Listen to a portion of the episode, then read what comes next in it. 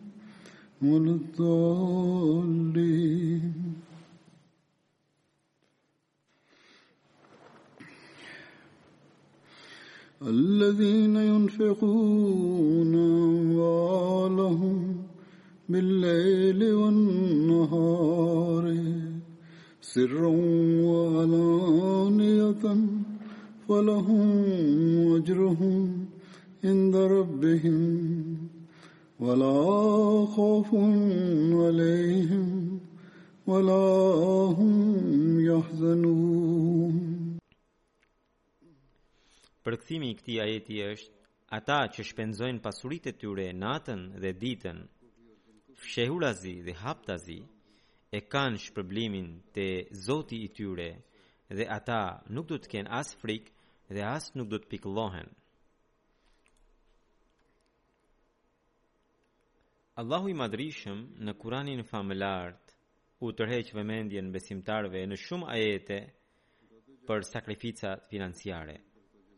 Edhe në këtë ajet siç e kemi parë, se duke përmendur vetitë e besimtarve, thotë që besimtarët në rrugën e Allahut shpenzojnë natë e ditë Dhe ky shpenzimi i tyre bëhet edhe haptas edhe fshehtas.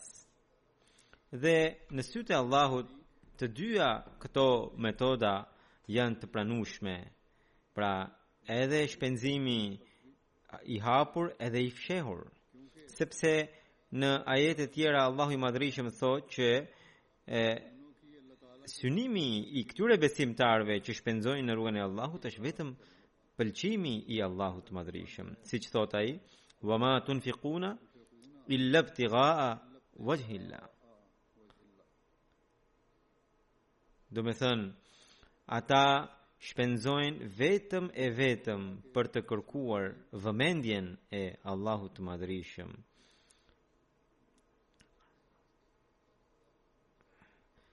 dhe nuk shpenzojnë për ndonjë gjë tjetër.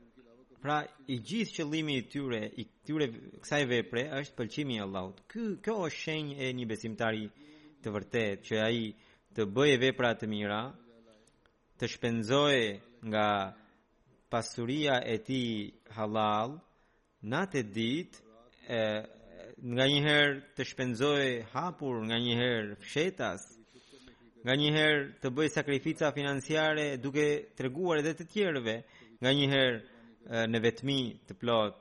Këto sakrifica pranohen tek Allahu me kushtin që Synimi i këtyre sakrificave të jetë vetëm e vetëm pëlqimi i Allahut të Madhërishëm. Në qoftë se këto sakrifica janë për sy faqe, atëherë ato nuk nuk pranohen tek Allahu i Madhërishëm. Sakrificëbërësve të tillë, Allahu i Madhërish, Allahu i Madhërishëm ua përplas në fytyrë sakrificat e tyre. Prandaj, gjithmonë duhet ta kemi parasysh shpirtin e sakrificës financiare e ky është pikërisht ai shpirt të cilin anëtarët e xhematit Ahmedia me bekimin e Allahut e marrin parasysh edhe bëjnë sakrifica financiare. Në qoftë se ne nuk e kemi këtë shpirt, atëherë sakrificat tona janë të kota dhe nuk do të vlejnë për asgjë. Në qoftë se këto sakrifica po bëhen për qëllime që filani ka bërë kaq sakrifica, unë dua të bëj më shumë ose filan xhamat ose filan lagje e anëtarëve të xhamatit na po na parakalojnë neve e çfarë do të na thonë neve njerëzit atëherë këto këto sakrifica nuk ia vlejnë Patjetër që shpirti i konkurrencës është një është i vlefshëm, por nuk ky shpirt i konkurrencës nuk duhet të jetë për sytë e njerëzve, por vetëm e vetëm për sytë e Allahut. Pra, të mos kemi shpirtin që të kontribuojmë financiarisht për të treguar njerëzve me krenari që kaq kam dhënë. ose kur ndodh ndonjë mosmarrëveshje në qoftë se i thua organizatorëve të xhematit, përgjegjësve të xhematit që kam bërë kaq shumë sakrifica edhe jam i denjë që të ma pranoni mendimin, ose dikush në qoftë se mendon se ngaqë unë kam bërë kaq shumë sakrifica financiare, duhet të jem duhet të jem duhet mendimi im edhe pozita ime duhet të jetë me peshë tek në sytë e kalifit të kohës edhe tek përgjegjësit atëherë të gjitha këto sakrifica ose sakrificat e një njeriu të tillë janë të kota por madje janë në dëm të shpirtit të tij Allahu i madhërishëm thotë të gjitha këto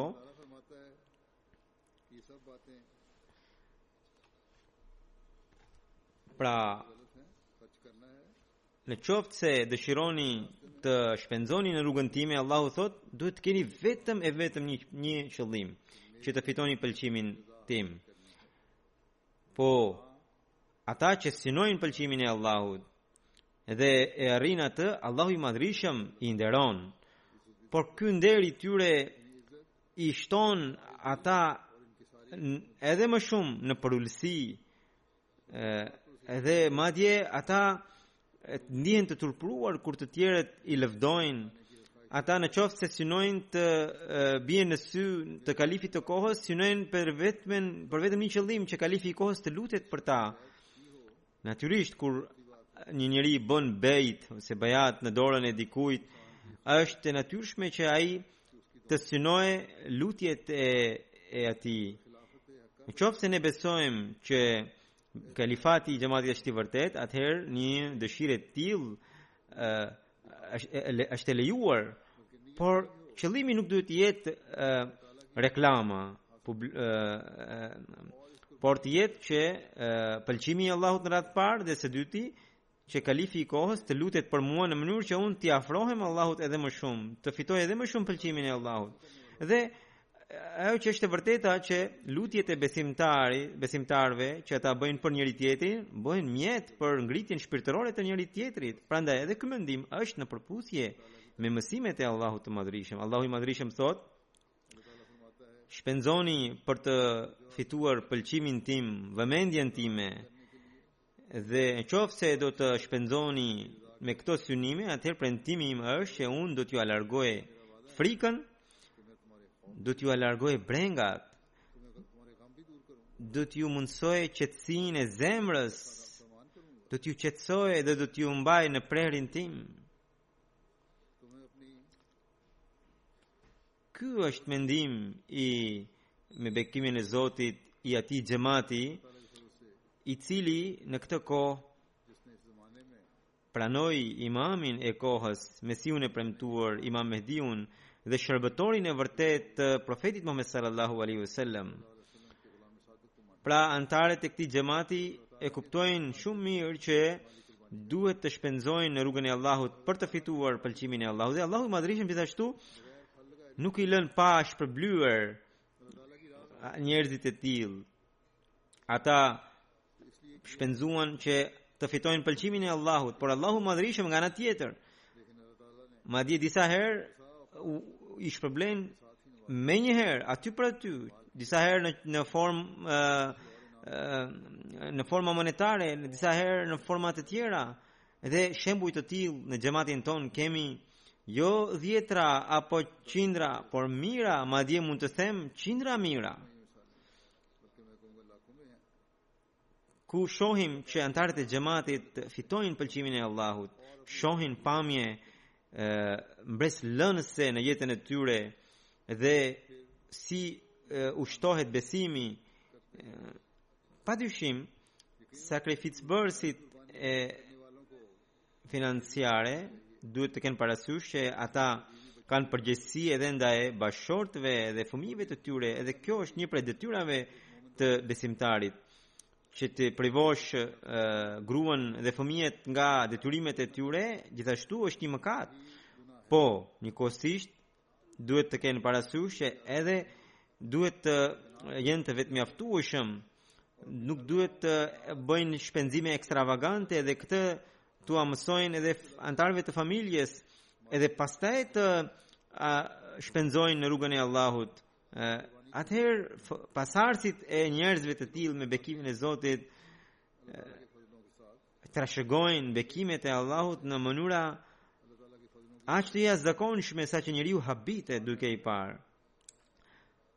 Sot do të përmend disa ngjarje të sakrificëbërësve dhe të bekimeve që Allah ata kanë pasur nga Allahu i Madhrishëm ose Allahu i Madhrishëm i nxiti që ata të shpenzojnë në rrugën e Allahut dhe më pas si i bekoi ata do të përmend disa shembuj. Edhe këto ngjarje Unë ju sjell herë pas here për arsye se edhe të tjerët nxiten dhe bashkohen me ata që janë më të fortë në besim dhe disa njerëz më shkruajnë drejtpërdrejt që ne duke dëgjuar këto ngjarje morëm nxitje edhe ne shpenzuam në rrugën e Allahut dhe pamë bekime të jashtëzakonshme të Allahut. Hazret Mesiu Premtu Alej Salatu Selam një një vend thot Kurani i shenjtë thotë mos bëni të gjitha veprat tuaja në mënyrë të fshehtë Kur mendoni se një vepër e caktuar është mirë ta bëni fshehtas, që të mos ju dëmtohet shpirti, bëjeni fshehtas. Dhe kështu, kur mendoni se një vepër tjetër e caktuar është mirë të përhapet te njerëzit e tjerë, Bëjeni duke ua treguar në mënyrë që ju të gëzoni dy shpërblime dhe që edhe njerëzit e dobët që nuk gjenin vullnetin për ta bërë atë vepër, ta kryejnë atë duke u frymëzuar nga ju. Thotë, urtësinë e porosisë për t'u mësuar njerëzve jo vetëm jo vetëm me fjalë, por edhe me vepra. Ai e ka treguar vetë Pasi jo çdo herë fjala ndikon, shpeshherë shembulli ndikon më shumë. Prandaj, këto ngjarje që do t'ju tregoj sot, në lidhje me këto, njerëzit nuk më shkruajnë që t'i përmend këto, por unë vetë i përmend. Në mënyrë që këto këta shembuj të kenë ndikim pozitiv tek të tjerët. Madje disa njerëz më shkruajnë që në qoftë se dëshironi të përmendni ngjarjen tonë, mos ma përmendni emrin. Sidoqoftë, sot do të tregoj disa ngjarje, Zoti bëftë që Allahu i Madhrishëm bëftë që të jetë shpërblim i dyfishtë për sakrificëbërësve, për sakrificëbërësit të cilëve u kanë ndodhur këto ngjarje, shpërblimi i parë është që ata për shkak për shkak shpërblimi i parë do të jetë për shkak se ata kanë sakrifikuar në rrugën e Zotit dhe shpërblimi i dytë që të tjerët do të gjejnë nxitim, nxitje, më falni, për të bërë sakrifica për shkak të ngjarjeve të tyre.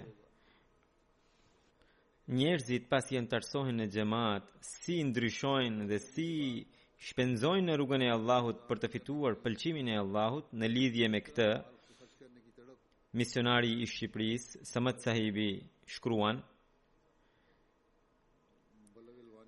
në Xhelse Salanën e vitit 2020 në fjalimin tuaj pra po flet për fjalimin tim që ku tregova bekimet e Allahut dhe tregova ngjarjen e një shqiptari Xhafer Kuqi sahibit dhe në atë fjalim tregova se si ai e kishte pranuar xhematin dhe misionari i Shqipërisë vijon më tej që deri në muajin gusht ai nuk ka pasur të ardhura. Një ditë erdhi në xhuma pas namazit të xhumas pyeti që djemt e tjerë të xhematit kontributet që japin, më shpjegoni se si dhe çfarë kontribute që japin. Ai ia shpjegoi dhe më pas tha që nga ky muaj Apartamenti im është lëshuar me qera dhe kam marrë qeranë e parë dhe kam sjellë kontribute. Mirëpo ai kishte sjellë kontribute shumë më të mëdha sesa kishte përcaktuar Mesihu i Premtuar alejhi salatu ue selam. Dhe tha që pjesën tjetër shkruani në Tehrik e Xhedid dhe Vakf e Xhedid. Misionari thotë që unë i thashë Allahu i Madhërishëm premton që ai i shpërblen në mënyrë të shumëfishtë sakrificëbërësit. Ai tha që unë nuk e kam sakrifikuar për këtë qëllim Unë e kam bërë këtë sakrificë për të fituar pëlqimin e Allahut dhe për t'iu bindur porosisë së Hazret Mesihut të Premtuar alejhi salatu ue selam ku ai tha që e, për hir të fesë duhet të sakrifikoni edhe financiarisht dhe kjo është edhe porosia e Islamit dhe ai rregullisht jep çanda çdo muaj. Pra shikoni se si njerëzit ndryshojnë mendjen përnjëherë pasi hyjnë në xhemat. Misionari i Xhematit nga Argjentina, Server Sahibi shkruan që për shkak të koronavirusit dhe për shkak të rritjes së inflacionit në vend, njerëzit në përgjithësi kanë vështirësi shumë të mëdha financiare.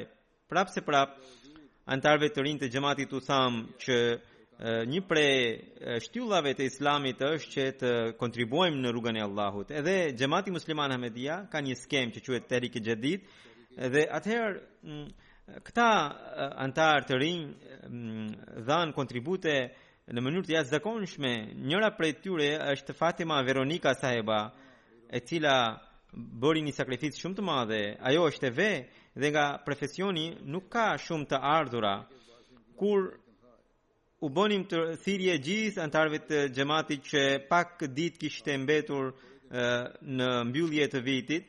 Ajo më shkroi misionari i xhamatit thotë, më sh, më dërgoi mesazh që këto ditë nuk kam mundësi, por në ditët në vijim do të përpiqem që të mbledh një shumë të vogël modeste sado pak qoftë. Pas ca ditësh zonja në fjalë Ndër solli 5.000 peso argjentinase, është një shumë edhe është jashtëzakonisht e madhe duke marrë parasysh të ardhurat e saj dhe duke marrë parasysh edhe gjendjen e vendit duke parë këtë sakrificë i thashë ju jam shumë mirënjohës dhe ajo i tha për çfarë po më falënderoni ju Unë Islamin e kam e kam pranuar me shpirt dhe me zemër dhe porositë e Islamit e, ka e, njëra prej porosive është edhe sa të, duhet të kontribuojmë në rrugën e Allahut. Unë madje jam e turpëruar thotë ajo që për shkak të angazhimeve të mia të punës nuk kontribuoj dot me kohë ashtu si një grua ahmediane duhet të kontribuojë. Ky është ai revolucion pra që vjen në jetën e atyre njerëzve të xhematit të Mesihut të Premtuar alejhi salatu ve selam që kur anëtarësohen në xhemat, anëtarësohen besnikërisht dhe vërtetësisht dhe përpiqen të fitojnë pëlqimin e Allahut dhe të vijojnë misionin e Mesihut të Premtuar alejhi salatu ve selam. Nga Indonezia, pra nga Argjentina, në një cep tjetër të botës, në Indonezi Amir Sahibi shkruan pra Amir Sahibi i Indonezisë që në qytetin Tangerang është një zonjë Marsila Saheba Ajo thotë që për shkak të koronës burri i saj kishte humbur vendin e punës. Ata filluan një biznes, por nuk kanë pasur të ardhura. Më pas filloi si taksist me motor, edhe atje hasi shumë vështirësi, gjersa erdhi situata që ata mendonin, thotë, ne mendonim që si do të blejmë bukën për nesër. Nga ana tjetër kishim dëshirë të plotësonim premtimin tonë të Tehrik-e-Xhedidit, gjatë muajit të Ramazanit, edhe burri më thoshte lutju Zotit që ne ta plotësojmë premtimin. Gjatë Ramazanit pashë në ëndërr që një njeri më shikonte mua dhe më tha pastaj, A ke bërë ndonjë premtim? Unë i thashë, po, kam bërë. Ai tha, plotësoje premtimin. Kur u zgjova, ishte koha e tehexhudit. Pas tehexhudit, në syfyr, i thashë bashkëshortit ëndrrën. Pas disa ditësh, burri Kur erdhi në shtëpi, ishte shumë i gëzuar, solli një shumë të madhe dhe tha, "Menjëherë plotësoje premtimin e Tehrike Xhedidit." Pra, kur burri im punonte si motorist e, taksist, pra, edhe e, po shko, e, kishte shkuar për të marrë atë që kishte fituar, që e kishte llogaritur se do ishte 50000 rupi indoneziane, por aty ishin në konto, në llogari ishin 20 fish më shumë.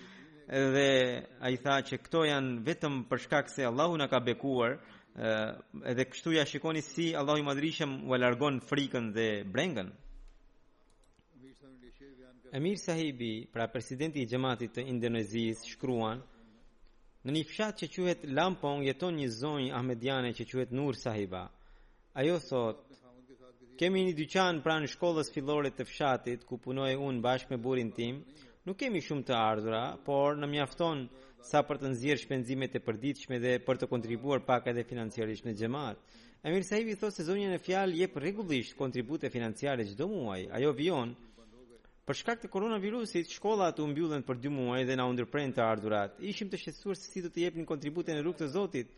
Papritmas na u kujtua se kemi një poç kursimi, vendosëm të mblidhnim paratë e vogla që më pas ato të jepnim në Tehrike Xhedid dhe në Vakfe Xhedid gjithashtu. Ua treguam edhe fëmijëve rëndësinë e sakrificave financiare. Para se të fillonte Ramazani, na kishte mbetur në shtëpi vetëm një kupë orizi që nuk ishte i mjaftueshëm as për dy fëmijët tanë. Në mëngjes, fëmijëve u dhashë orizin me ujë. Pse nuk po hani edhe ju, na pyetën ata. S'kishim ndonjë përgjigje përveç buzëqeshjes. Erdhi vakti i drekës, fëmijët sërish ishin të uritur. Ushqimi që kishte mbetur mund t'i mjaftonte vetëm njërit prej tyre. Djali tjetër filloi të qante. Nuk kishim asnjë rrugë tjetër përveç lutjes. U lutëm shumë në namaz. Pas pak Allahu i Madhërishëm na dërgoi ndihmën e tij. Erdhi një njeri i cili kishte nevojë për një punëtor në arën e tij të misrit. Burri filloi të punonte aty dhe kështu Zoti na plotësoi nevojën. Misionari i Malit pra të Afrikës, Hafiz Ataul Alim Sahibi shkruan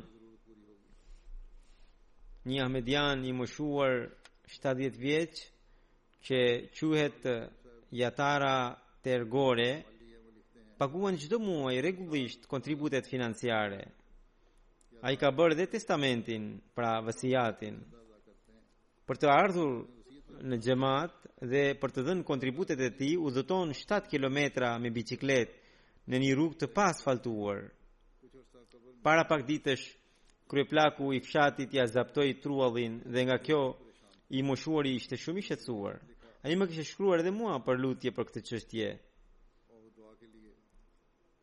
Misionar Sahibi vijon gjatë kësaj periudhe ai shtoi kontributet e tij në Tehrik e Xhedid Më shumë se se çka jepte përpara.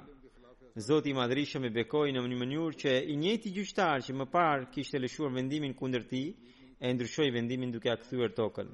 Askush nuk shpresonte një gjë të tillë, pasi kryeplaku ishte njeri i fuqishëm dhe të gjithë e dinin se gjyqtari nuk do të vendoste kundër tij. Këtë ngjarje ai ua tregoi gjithë ngjarje gjithë anëtarëve të xhamatit në xhami pas namazit të së xhumasë. duke emocionuar të gjithë të pranishmit. Shikoni se si Allahu i Madhërishëm ua largoi frikën dhe u jep siguri sakrificëbërësve. Emir sahibi i xhematit të Francës thotë se një anëtar i xhematit shkruan Këtë vit kisha dyfishuar premtimin në Tehrik e Xhedid duke e çuar shumën në 1.000 euro. Por, Për shkak të lockdownit pata shumë pak të ardhura. Nuk kishte shpresë që të arrija ta plotësoja premtimin.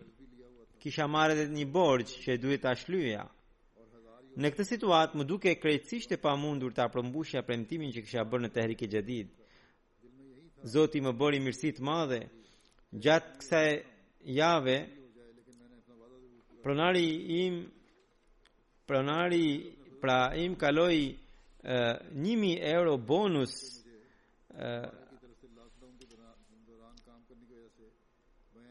gjatë pra 1000 euro bonus për shkak të punës sime gjatë lockdownit. Pra fiks aq sa kisha premtuar në Tehrik e Xhedid. E ndjeja se ishte vetëm bekimi i Zotit, sepse nuk shpresoja kurrë që pronari im të më jepte një bonus kaq të madh gjatë kësaj periudhe.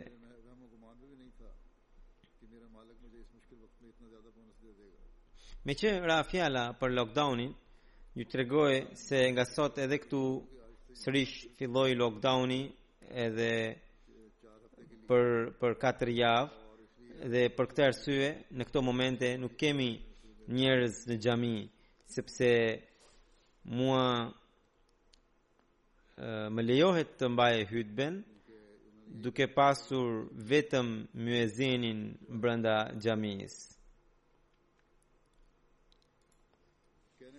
Një ahmedian sirian që jeton në Kanada duke më uruar për qendrën e re të xhamatit këtu në Islamabad të Anglisë më shkroi ngjarjen e tij, por duke thënë se të mos ia përmend emrin në rast se do t'ia tregoj xhamatit ngjarjen e tij.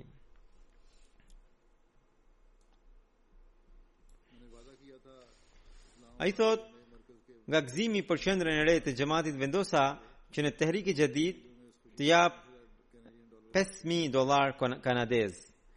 Në atë kohë kisha të ardhura 4.000 dollarë në muaj. Sapo kisha blerë një veturë të re.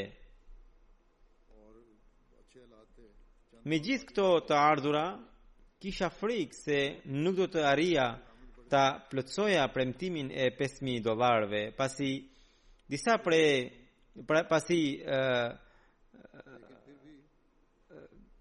disa para rregullisht u dërgoja edhe njerëzve të mi në Siri.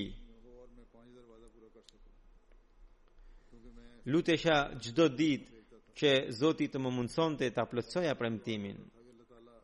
Në janar të 2020-s pësova një aksident. Nuk shkova dot në punë për gjithë muajin. U detyrova të merrja borxh për shpenzimet. Sikur të mos mjaftonte kjo erdhi korona, u mbyllëm në lockdown. Në muajin shkurt dhe mars, unë dhe familja ime hanim ushqimet më të lira që gjenim.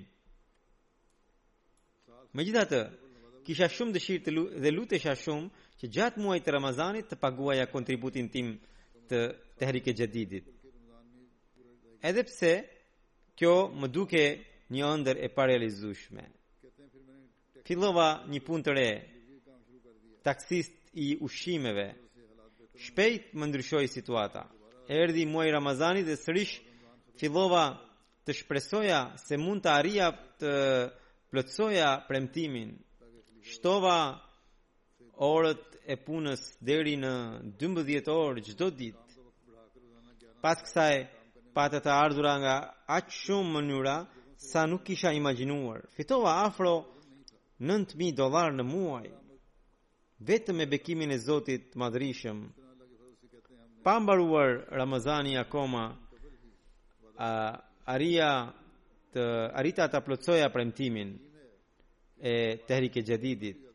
Ai thotë që jam plotësisht i bindur se nëse premtimi im do të ishte jo kaq, por edhe trefish më shumë, Zoti i Madhërishëm do të më mundësonte ta plotësoja edhe atë para se të mbaronte viti. Shikoni këtë ahmedian se si i ndihmon edhe njerëzit e tij në Siri, por përpiqet të kontribuojë edhe në xhamat. Nga Sierra Leone, Amir Sahibi, Osman Sahibi që është emiri i xhamatit në Freetown, është edhe imami i xhamatit atje. Ai thotë që ne Rregullisht çdo vit paguajmë kontributin e Tehrik e Jadid, por këtë vit kemi menduar që këto kontribute që japim janë shumë të shumë të pakta. Ai thotë që unë vetë nuk kam ndonjë punë, kam vetëm një dyqan të vogël që menaxhoj unë dhe bashkëshortja dhe nuk kemi shumë të ardhura, vetëm nxjerrim shpenzimet e shtëpisë dhe kaq. Por dëgjonim vazhdimisht thirrjet për mbarimin e vitit Tehrik e Jadid. Gruaja më tha, më mirë të gjejmë një arkë kursimi dhe të mbledhim ca para atje deri në fund të tetorit. Në vitet e kaluara ne nuk kemi dhënë kontribute më shumë se 20000 leon Por sivjet për shkak të kësaj mënyre kemi dhënë më shumë se 200.000 leon. Edhe dy vëllezërit e mi të tjerë vepruan në të në të njëjtën mënyrë dhe dhanë 130.000 leon në Tehrik e Jadid. Bashkëshortja ime, sidomos, është shumë e gëzuar nga kjo metodë Sepse Zoti kështu na mundësoi të kontribuojmë më shumë dhe na ngriti edhe standardin e sakrificave dhe më pas kemi pasur edhe të ardhura dhe ne mendojmë që duhet ta zbatojmë këtë që na ka mësuar Allahu Marshall, ishujt Marshall pra është një zonë tjetër përtej Amerikës edhe nga atje Misionari i xhamatit Sajid Iqbal Sahibi thotë që në Marshall Island, pra në ishulli, ishullin Marshall, është një anëtar i xhamatit Nasir Kyoshi Aken Sahibi. Gjatë këtij viti kur po thosha Anëtarët e xhema, anëtarëve të xhamatit që të japnin premtime për Tehrik e Xhedidin, Kushi Sahibi tha, nuk kam as punë, nuk kam as vend për të jetuar. Atëherë ne i kishim dhënë një pjesë në xhami që ai të qëndronte. Prapëseprapë i thamë që bëj ndonjë premtim sado të vogël qoftë. Edhe lutu për të. Atëherë ai premtoi për 2 dollarë që do të kontribuonte në Tehrik e Xhedid. Pas disa muajsh erdhi në shtëpinë e xhamatit dhe kontribuoi 50 dollarë amerikanë pra. Tha, Zoti ma dëgjoi lutjen, gjeta punë e më kanë dhënë edhe apartament dhe ve, tani ai vetë pra është është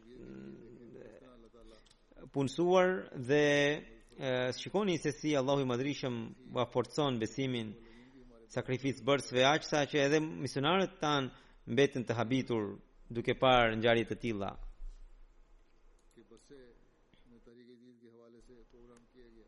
Emiri i xhamatit të Gambias shkruan që në Basse ne bëmë një program për në lidhje me Tehrike Xhedidin, u tërhoqëm vëmendje anëtarëve të xhamatit për të paguar në Tehrike Xhedid. Musa Sahibi që ishte aty ishte shumë i shqetësuar sepse nuk kishte mundësi të jepte asnjë kontribut.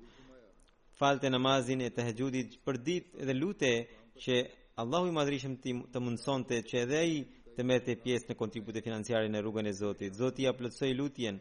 Shumë shpejt, kompania në të cilën ai punonte e ftoi të punonte, të merrte pjesë një punë në Basse për dy ditë për të cilat ai do të paguhej për 4.000 dalasi ai u gëzua shumë punoi për dy ditë në atë program të veçantë dhe më pas dha 2.000 dalasi në kontrib si kontribut në Tehrike Xhedid pra me bekimin e Allahut për shkak të çandave për shkak të kontributeve Zoti ia shtoi të ardhurat, i këshilloi edhe vëllezërit e tjerë ahmedianë që të bënin të njëjtën gjë. Talha Ali Sahibi, që është presidenti i xhamatit në, po ashtu edhe misionar në Filip, Filipine, ai thotë që në Filipine është një xhamat i vjetër në Semanuel, Dhe shumica e anëtarëve aty janë mësim, domethënë mësimdhënës. Dhe presidenti i xhamatit duke më dërguar mesazh tha që ata kishin plotësuar targetin edhe ai të lutej për tre ndër mësimdhënësit të cilët nga marsi nuk kanë marrë rrogën, prapë se prapë kontribuojnë në Tehrik e Jadid. Shikoni në vende të largëta si njerëzit kontribuojnë. Nga pra misionari i xhamatit nga Kebabiri, Shamsuddin Sahibi shkruan, El Khalil është një vend në Palestinë ku kemi një xhamat të ri, shumica e anëtarëve janë të dobët ekonomikisht, por me bekimin e Zotit të Madhërishëm që të gjithë morën pjesë në arkën Tehrik e Jadid. Njëri prej anëtarëve të rinj të xhamatit në El Khalil është Ibrahim Sahibi. Që nga dita kur e pranoi xhamatin, Ibrahim Sahibi kontribuon rregullisht në xhamat. Këtë vit ai dha një kontribut të madh në Tehrik e Jadid dhe për këtë ai vetë tregon duke thënë: "Një shoku im më kishte marrë borxh dhe për shkak të halleve të tij nuk po ma kthente borxhin prej kohësh. Prita shumë, pasi edhe unë pata probleme financiare. Dhe po afrohej edhe fundviti i Tehrik e Jadid dhe kisha dëshirë të kontribuoja si çdoherë. Kur takova Emir Sahibin, pas diskutimeve, kontribuova një shumë modeste në Tehrik e Jadid Duke ditur se nuk kishte më shpresë se shoku im të ma kthente borxhin. Emir sahibi e dinte situatën time dhe më tha, tani që ke bërë hapin në rrugë të Allahut, jam i bindur që ai do të të bekojë ty. Vetëm pas disa orësh, pasi u ndava nga Emir sahibi, pra ai shoku im më erdhi dhe ma ktheu borxhin, përnjëherë m'u lehtësuan vështirësitë financiare që kisha. Në Wiesbaden të Gjermanisë është një anëtar i xhamatit i cili erdhi në zyrën e Tehrike Jadidit dhe tregoi këtë ngjarje. Gjyqi i azilit tim ishte te një gjyqtar i cili nuk ma pranonte. Dëgjova ngjarje mbresëlënëse të arkës së Tehrik e Jadid dhe vendosa të jap edhe unë 1000 euro në në këtë arkë. Zoti bëri që gjyqi im kaloi nga ai gjyqtar te një gjyqtar tjetër dhe ky i fundit ma pranoi kërkesën e azilit. Andaj erdha të jap kontributin tim prej një mijë eurove në Tehrik e Jadid. Sekretari i Tehrik e Jadid të Britanisë së Madhe shkruan, një anëtar i xhamatit në Britain ishte i papunë. Një ditë ai dha kontributin e tij në Tehrik e Jadid të nesërmen gjeti një punë. Një ahmedian tjetër po nga Britain kishte probleme financiare, megjithatë kontribuoi edhe në Tehrik e, ai në Tehrik e Jadid. Pas pak ditësh i erdhi një letër nga zyrat e tatimeve që thoshte se vitin e kaluar ai kishte paguar taksat më shumë dhe këtë tepricë, kjo tepricë i takonte atij. Shuma dhe kjo shumë ishte shumë më e madhe se ajo që kishte kontribuar në Tehrik Jadid. Një anëtar i xhamatit në Angli haste probleme te puna e tij, dikush kishte bërë ankesë të padrejtë kundër tij, Ahmediani pagoi kontributin e tij në Tehrik Jadid, ai që kishte bërë ankesë u shkarkua nga puna. Një Ahmediani tjetër i ra vetura në një gropë. Ai mendoi se po të dilte vetura pa dëmtime, do të jepte kontribute shtesë në Tehrik Jadid. e nxorën veturën dhe ishte pa dëmtime. Si kontribut shtesë, Ahmediani dha rrogën e një jave në Tehrik e Xhedid. Një fëmijë kontribuoi në Tehrik e Xhedid kursimet e tij të gjashtë muajve, elhamdulillah edhe fëmijët po, e xhematit po ushqehen me frymën e sakrificës. Një tjetër Ahmedian, djalë i ri, kishte kurs, më falni, kishte ruajtur kursime për të shkuar diku për pushime. Vendosi që të gjitha ato para të jepte në Tehrik e Xhedid dhe kështu veproi. Presidenti i xhematit të Barking dhe Dagenham thotë Kisha vendosur që targetin e Tehrike Xhedid në zonën tonë do ta arrijmë patjetër, edhe sikur më duhet të jepja kontribute shtesë nga xhepi im. Përfundimisht targeti nuk u arrit dhe ai nga xhepi, pra unë nga xhepi im dha kontribute shtesë. Pas pak ditësh më njoftuan nga puna se këtë vit do të merrja bonusin 70 për qind më shumë se sa viti i kaluar, shumë e cila ishte shumë më e madhe se sa kisha dhënë si kontribut shtesë në Tehrik e Xhadid. Nga Kazakistani Linar Abdur Rahmanao thotë që unë rregullisht paguaj kontributet e mia në çanda am, Xhalsa Salana, Tehrik e Xhadid dhe Vakfe Xhadid. Pra janë njerëz të popujve të ndryshëm dhe thotë që pikërisht për shkak të bekimit të çandave të kontributeve gruaja ime arriti të përfundonte mjekësinë dhe fëmijët fituan bursë. Tani gjendja financiare është përmirësuar. Tashmë kam dy makina dhe po mendoj të ndërtoj shtëpinë time personale. Më deri më tani jam në një apartament me qera Kisha edhe vështirësi financiare, për shkak të kontributeve më mendoj unë me bekimin e Zotit, Allahu i madhërishëm na përmirësoi situatën. Nga Gini Besau, misionari i xhematit Muhammed Hasan Sahibi thotë që një Ahmedian, eh, Muhammed Ibrahimi, shkruan që vitin e kaluar, kur huzuri eh, njoftoi për Tehrik e Xhadidin, pra për vitin e ri të Tehrik e Xhadidit, që atëherë ai kishte shkruar premtimin e tij Pasi e ndoqi hutben edhe vendosi që çdo muaj do të jepte pak nga pak. Kështu vijoi derisa erdhi korona dhe atij iu mbyllën të ardhurat. Ishte shumë i shqetësuar kur po mbyllej viti i Tahrik e Xhadidit, u shqetësua edhe më shumë. Po lutesha thotë, një ditë në mëngjes dikush më telefonoi dhe më tha, "A mund të ndërtosh blloqe betoni?" Unë menjëherë thashë po, Kështu në shpi gjeta punë dhe Allahu i madhërishëm më zgjidhi situatën, pagova edhe kontributin edhe m'u lehtësuan edhe vështirësitë financiare për shkak të bekimit ai thotë përgjigjes pozitive ndaj thirrjes së kalifit të kohës. Nga Tanzania, Amir Sahibi thotë që në në misionari i xhematit nga Zanxhbari shkruan thotë është një zonjë aty Hamna Bibi Saheba, e cila është e moshuar dhe çdo vit pavarësisht se është në vështirësi financiare, renditet ndër të parat në kontributet të Tahrik e Jadidit. Edhe sivjet ajo do të paguante në muajin e Ramazanit, por për shkak të gjendjes financiare nuk e arriti Thotë që isha kaq e shqetësuar saqë një natë u çova në tahajjud dhe qava me dënesë që o Zot, kalifi i kohës ka bërë thirrje dhe unë po mbetem i e privuar. Të nesërmen në mëngjes, një i afërmi i saj e telefonoi që prej kohësh nuk ishte në kontakt me të, i cili i dërgoi një shumë si dhuratë dhe ajo pagoi edhe kontributet edhe u iu iu përmirësuan gjendje financiare. Ajo vetë thotë që për shkak të kontributeve Zoti më do shumë. Nga Kadiani Vakilul Mal Sahibi thotë që në Kerala të Karulais, pra më falni në, në Karulai të ke, të shtetit Kerala është një anëtar i xhamatit i cili kishte premtuar për 500.000 rupi për Tehrik e Jadid në firmën e tij ai do të bënte do të uh, kishte ruajtur një shumë për të bre, për, për të blerë mallin dhe në qoftë se nuk do ta blinte atë uh, dhe do dështonte të uh, mbaronte projektin edhe do të haste vështirësi megjithatë Ngaqë edhe viti i Tehrik e Jadid po mbyllej, ai atë shumë e dha në Tehrik e Jadid.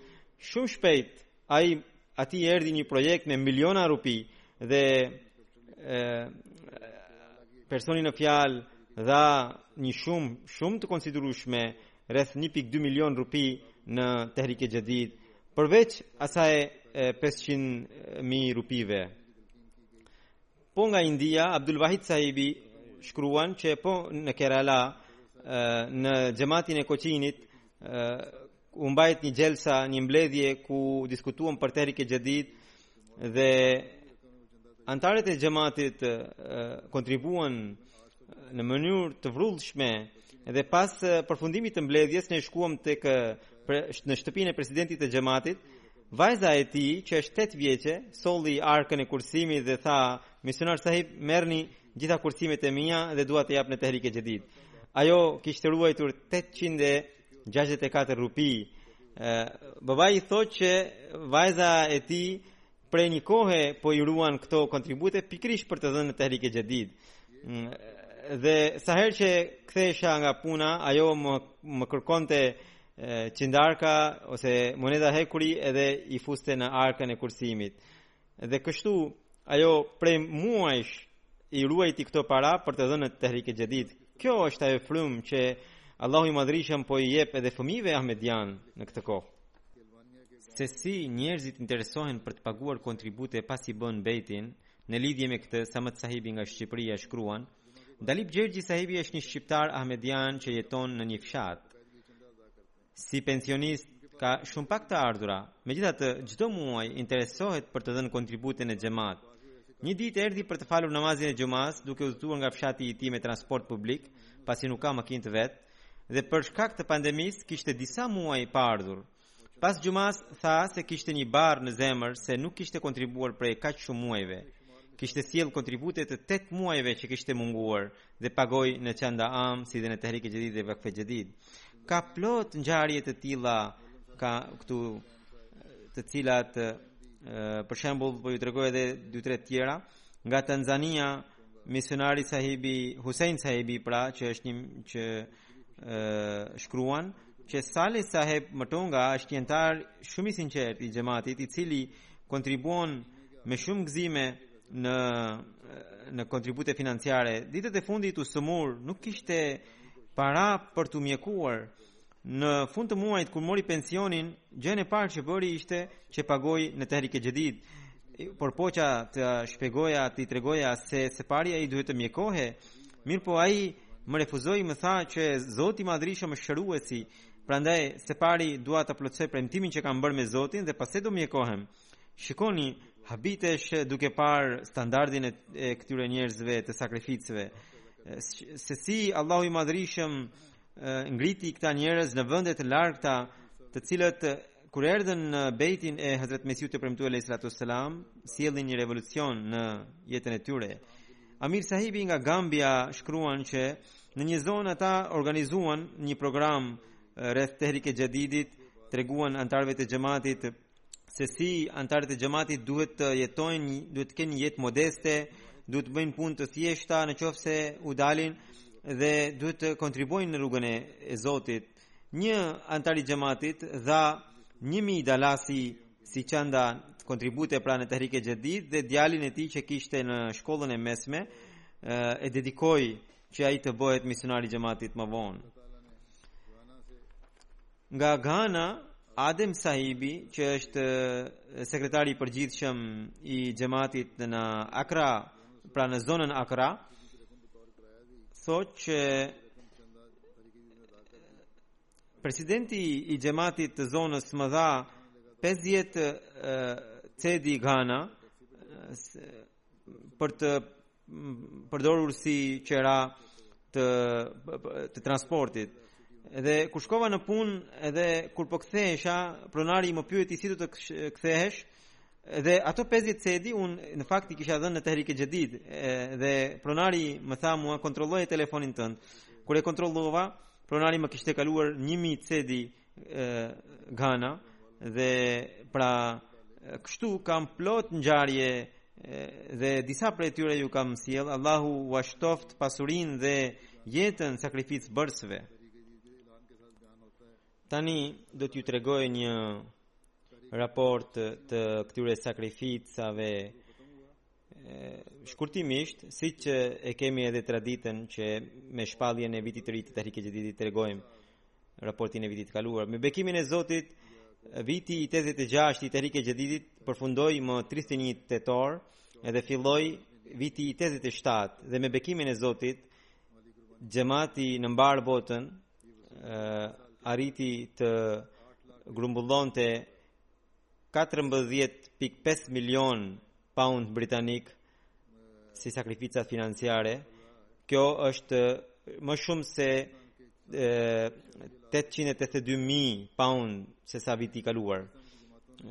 Gjatë këtij viti, Gjermania zuri vendin e parë, pra xhemati i Gjermanisë. Pakistani, siç e dini, gjendja ekonomike po rëndohet dita ditës edhe situata politike vështirësohet sidomos për anëtarët e xhematit por pavarësisht nga kjo anëtarët e xhematit atje në përgjithësi sipas monedhës vendase kanë përparuar jashtëzakonisht shumë dhe kanë bërë sakrifica të jashtëzakonshme Allahu i madhërishëm në këto vende ku ka probleme financiare dhe probleme politike u dhëntë paqe dhe siguri anëtarëve të xhematit në mënyrë që edhe ata të plotësojnë dëshirat e tyre për të bërë sakrifica, sidoqoftë në përgjithësi sipas raportit që del, Gjermania zuri vendin e parë, pastaj Britania e Madhe, pastaj vjen Amerika, Pra, mes këtu vjen edhe Pakistani,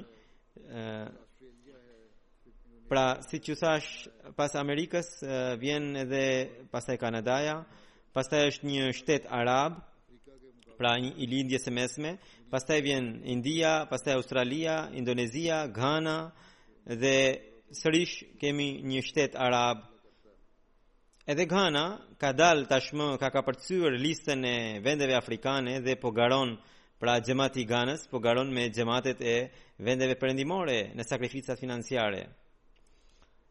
Po kështu sipas kontributit e, individual, pra sipas shumës individuale, sakrificës individuale, Pra, sakrificës për frymë, Zvicra zuri vendin e parë, pastaj Amerika, pastaj Singapuri.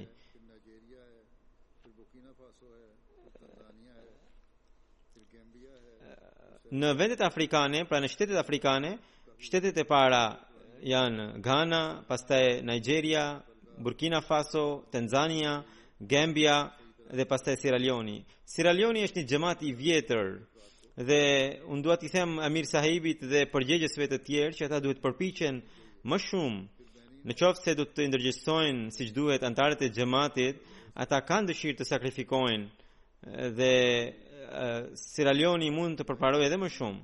Pastaj vjen Benini dhe Benini me bekimin e Zotit bëri përpjekje shumë të mëdha. Edhe Nigeri, edhe Niger, edhe Benini kanë kanë rritur uh, kontributin për frymë. Benini 6% më shumë dhe uh, Nigeri uh, 8% më shumë.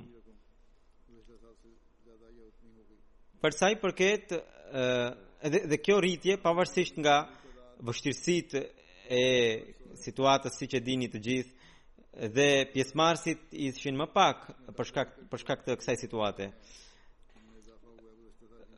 Numri i pjesëmarrësve në përgjithësi është 1 milion e 600 mijë e 800 të cilët kontribuan në Tehrik e Jadid nga e gjithë bota. Vendet e para, shtetet e para nga Afrika, nga janë Burkina Faso, pra së pari është Ghana, pastaj Burkina Faso, Mali, Senegali, Gambia, Kongo Kinshasa, Tanzania, Liberia, Kenya, Central Africa, Sao Tome, Kongo, Brazvil dhe Zimbabwe. Pastaj xhamatet e tjera, Bangladeshi, Gjermania, Kanadaja, India, Australia, Britania e Madhe e të tjerë. Kontribuesit e zyrës së parë të Tehrik e Jadidit me bekimin e Zotit që janë 5987 33 prej tyre janë të gjallë që po paguajnë vet, kurse 3179 po paguhen nga trashëgimtarët e tyre, kurse 2775 po paguhen vetë nga xhamati. Gjermania nga që zuri vendin e parë, do ta tregoj raportin e saj më së pari. 10 xhamatet e para të Gjermanisë janë mm, Mehdiabad zuri vendin e parë, pastaj vijnë Rödermark, Neuss, Nidda, Köln, Pinneberg, Osnabrück, Flörsheim, Kiel, Freinsheim dhe emiratet lokale që kemi këtu në Gjermani janë Hamburg, Dietzenbach, Frankfurt, Gross-Gerau, Wiesbaden, Mörfelden, Mannheim, Riedstadt, Rüsselsheim dhe Darmstadt. Pastaj do t'i tregoj një raport të shkurtër edhe të Britanisë së Madhe. Xhamatet e mëdha të Britanisë së Madhe janë në vendin e parë është rajoni Bejtul Futuh, pastaj rajoni Mesjid Fazl, pastaj Islamabad rajon dhe pastaj rajoni Midlands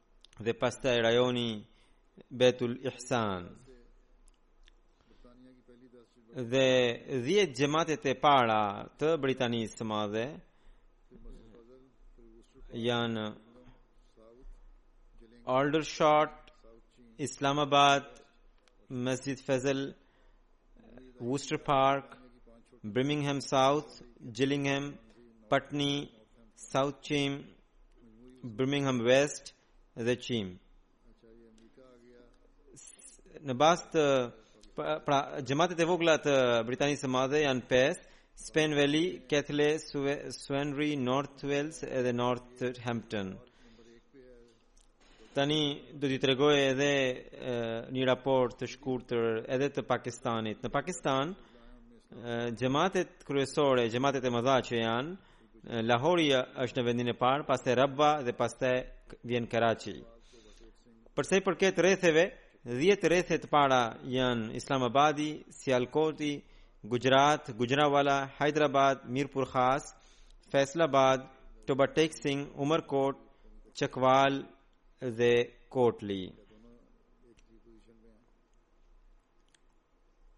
Çakval dhe Kotli duhet të ishin të ndryshme, nuk e di pse e kanë shkruar të bashkuara ose ndoshta të dy kanë zënë të njëjtin vend.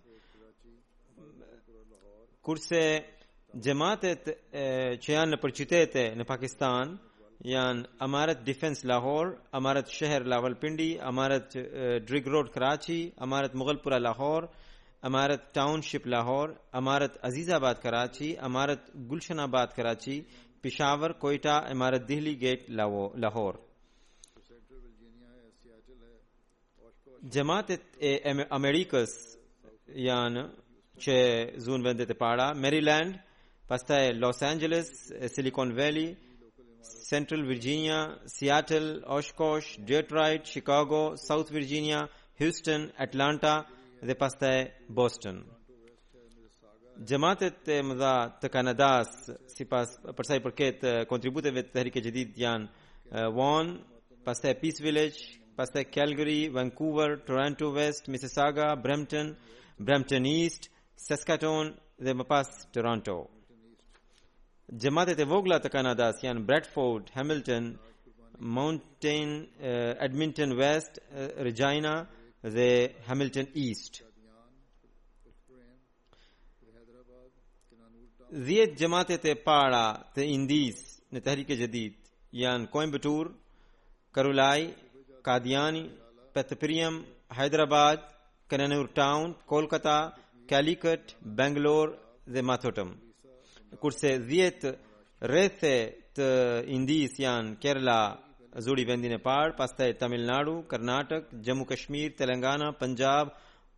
Oresa, Bengal, Delhi dhe Maharashtra.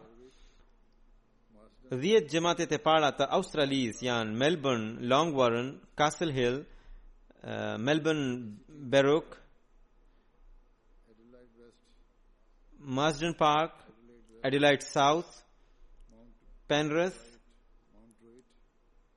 ACT Canberra, Adelaide West, dhe pastaj Mount Druitt dhe më pas vjen Parramatta.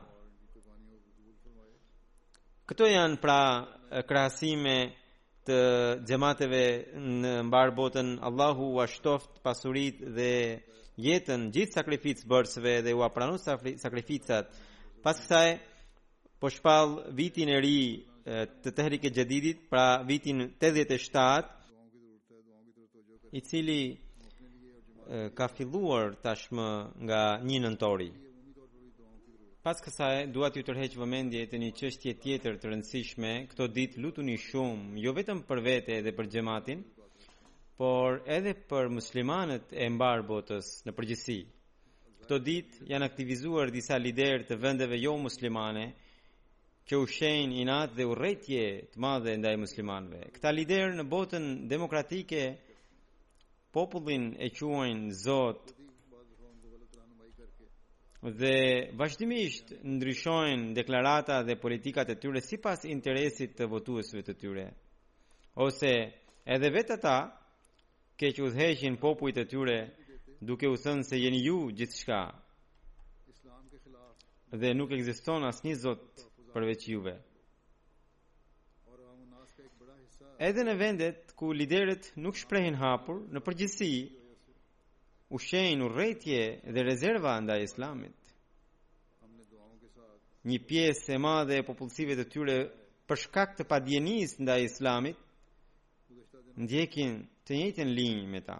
Sidoqoftë, ne duhet t'i tregojmë botës realitetin e islamit përmes lutjeve dhe përpjekjeve. Deri më parë, këta liderë jepnin deklarata me ambiguitet, por ditët e fundit, një lider perëndimor pra konkretisht presidenti i Francës, ka dalë hapur në këtë front.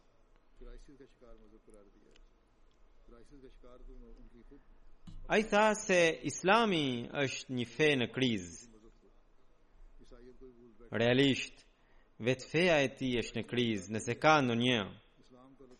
Në radhë të parë, ata nuk ndjekin vetë fenë e tyre. Krishterimin e kanë lënë në harresë. Prandaj në krizë janë vetë ata, kurse Islami me bekimin e Allahut të Madhërishëm është një fe e gjallë, përparimtare dhe që përparon. Allahu i Madhërishëm ka marrë përsipër mbrojtjen e Islamit në çdo epokë, siç ai ka dërguar në këtë kohë Hazrat Mesihun e premtuar alayhis salam. Dhe përmes tij mesazhi i Islamit po përhapet në çdo cep të botës. Në të vërtetë, këta njerëz ose këto forca kundra islame bëjnë veprime të tilla dhe japin deklarata të tilla për arsye se ata e dinë se muslimanët nuk janë të bashkuar. Më duhet të lavdëroj kryeministrin kanadez, i cili reagoi qartë kundër deklaratës së presidentit francez. Ai tha se nuk na lejohet të tallemi me ndjenjat e njëri-tjetrit dhe se duhet të kemi kujdes kur vjen fjala për liderët fetarë të botës. sikur edhe liderët e tjerë të kishin të njëjtin mendim si ky i presidentit kanadez ose të paktën të thelloheshin në mendimin e tij për hir të vendosjes së paqes dhe qetësisë në, në botë. Sidoqoftë, i nderuari kryeministri kanadez pa dyshim është për t'u lavdëruar, ne duhet të lutemi për të që Allahu i madhërishëm e ndriçoftë edhe më shumë.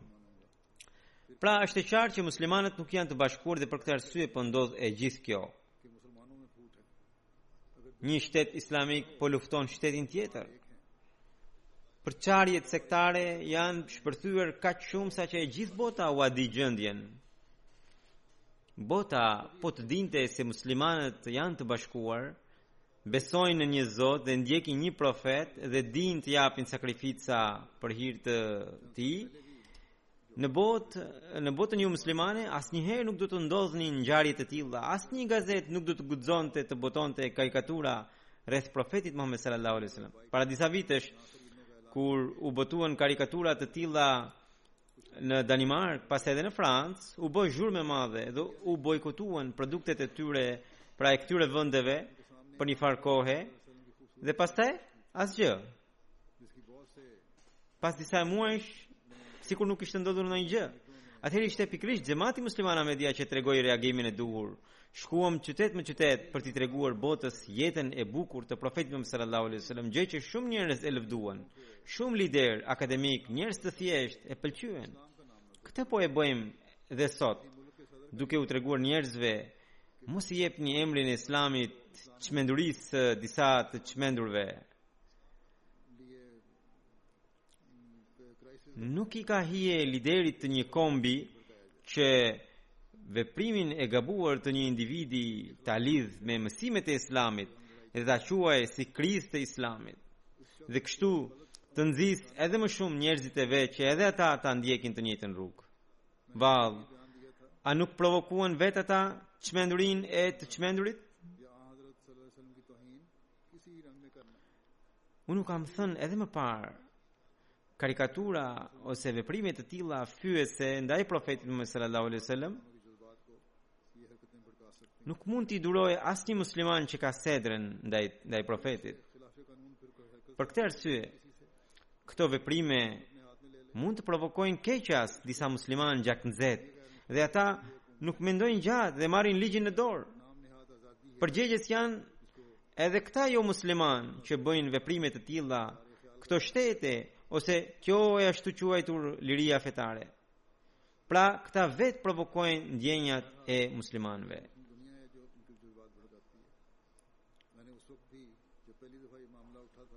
Kur u botuan karikaturat edhe më parë, unë Edhe atëherë mbajta një seri hytbesh duke treguar se cili duhet të jetë reagimi i denjë nga ana jonë dhe siç ju thashë pati një ndikim pozitiv te njerëzit dhe të njëjtën gjë jemi duke bërë edhe sot të gjithë ditën